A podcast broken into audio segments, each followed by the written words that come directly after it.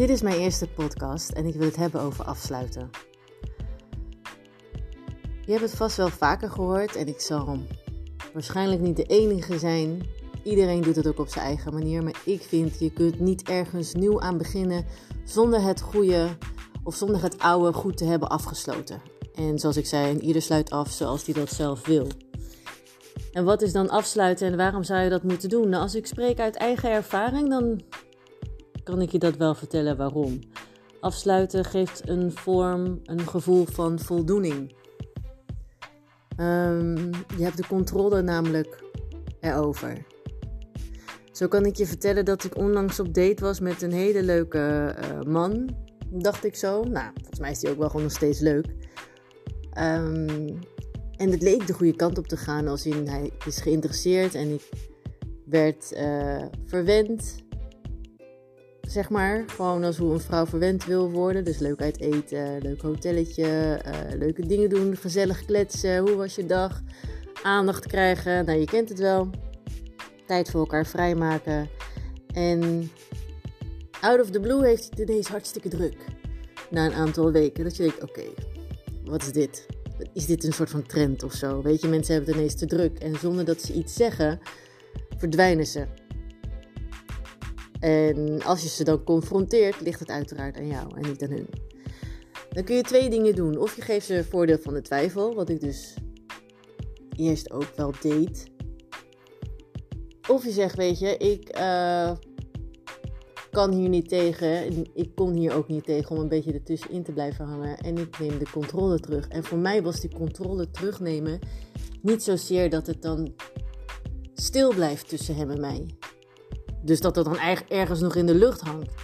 Voor mij was die controle terugpakken door het uit te spreken. Voornamelijk naar hem toe.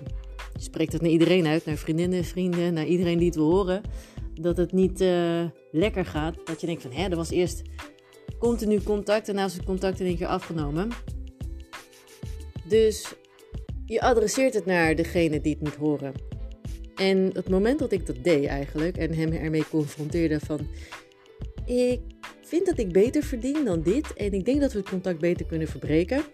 Nou, toen ineens wilde hij dat toch niet.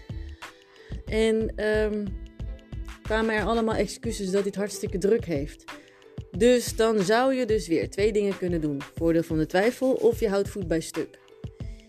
Helaas voor mij gaf ik dus het voordeel van de twijfel.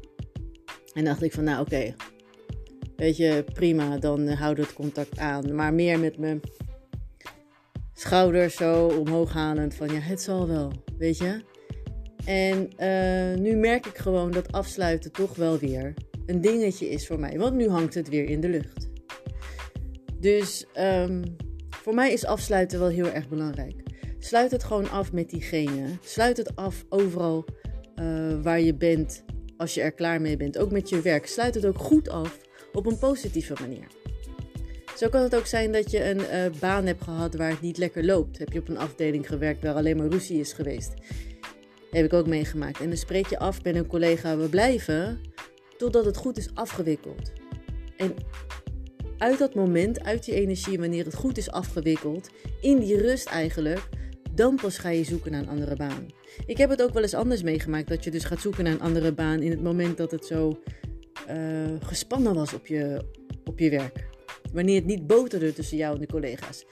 Als je dan op die manier, in die energie, een andere baan gaat zoeken, dat zit nog in je. Die gespannenheid, dat wantrouwen, en dan ga je met zo'n gevoel eigenlijk je nieuwe baan in. Ik weet dus nu uit ervaring, als je blijft zitten en het goed afsluit, eh, door bijvoorbeeld te doen wat je moet doen, door rustig te kijken, te observeren, je rust te behouden, je positie te weten, ehm, te doen wat je moet doen. En van daaruit eigenlijk laat zien naar iedereen van dat je wel integer bent, maar dat je het niet met je laat zollen. Um, en de rust komt terug Blijf dan niet zitten. Ga dan ook gewoon weg, zoals je jezelf hebt beloofd. heb ik dus toen ook gedaan. Ik ben weggegaan. Ik wil niet zeggen dat die gespannenheid niet in mijn lijf nog zat. Die zat nog wel een beetje. Maar ik heb het wel achter me kunnen laten. Ehm, en die adrenaline, die, die verdween wel langzamerhand uit mijn lijf. Terwijl ik dus op een nieuwe baan zat. En ik kon veel makkelijker openstaan voor de nieuwe collega's. En eigenlijk is het dus ook zo met relaties. Ik sluit dit mooi af met deze geweldige date. Was hartstikke leuk. Ik sluit het op een positieve manier af. Door te bedanken, door te zeggen van luister. Ik snap dat ja, om wat voor reden dan ook geen contact meer opzoekt. Is prima, ieder zijn eigen keus. Maar ik hou het graag bij mezelf. En dit is dus wat ik wil, namelijk geen contact. Want je kan niet tegen mij zeggen, nou, ik wil het contact niet verbreken en tegelijkertijd is er geen contact. Laten we dan gewoon daad bij woord voegen. Of woord bij daad, in dit geval. Dus mijn advies is eigenlijk: sluit de dingen af voordat je aan iets nieuws kan beginnen.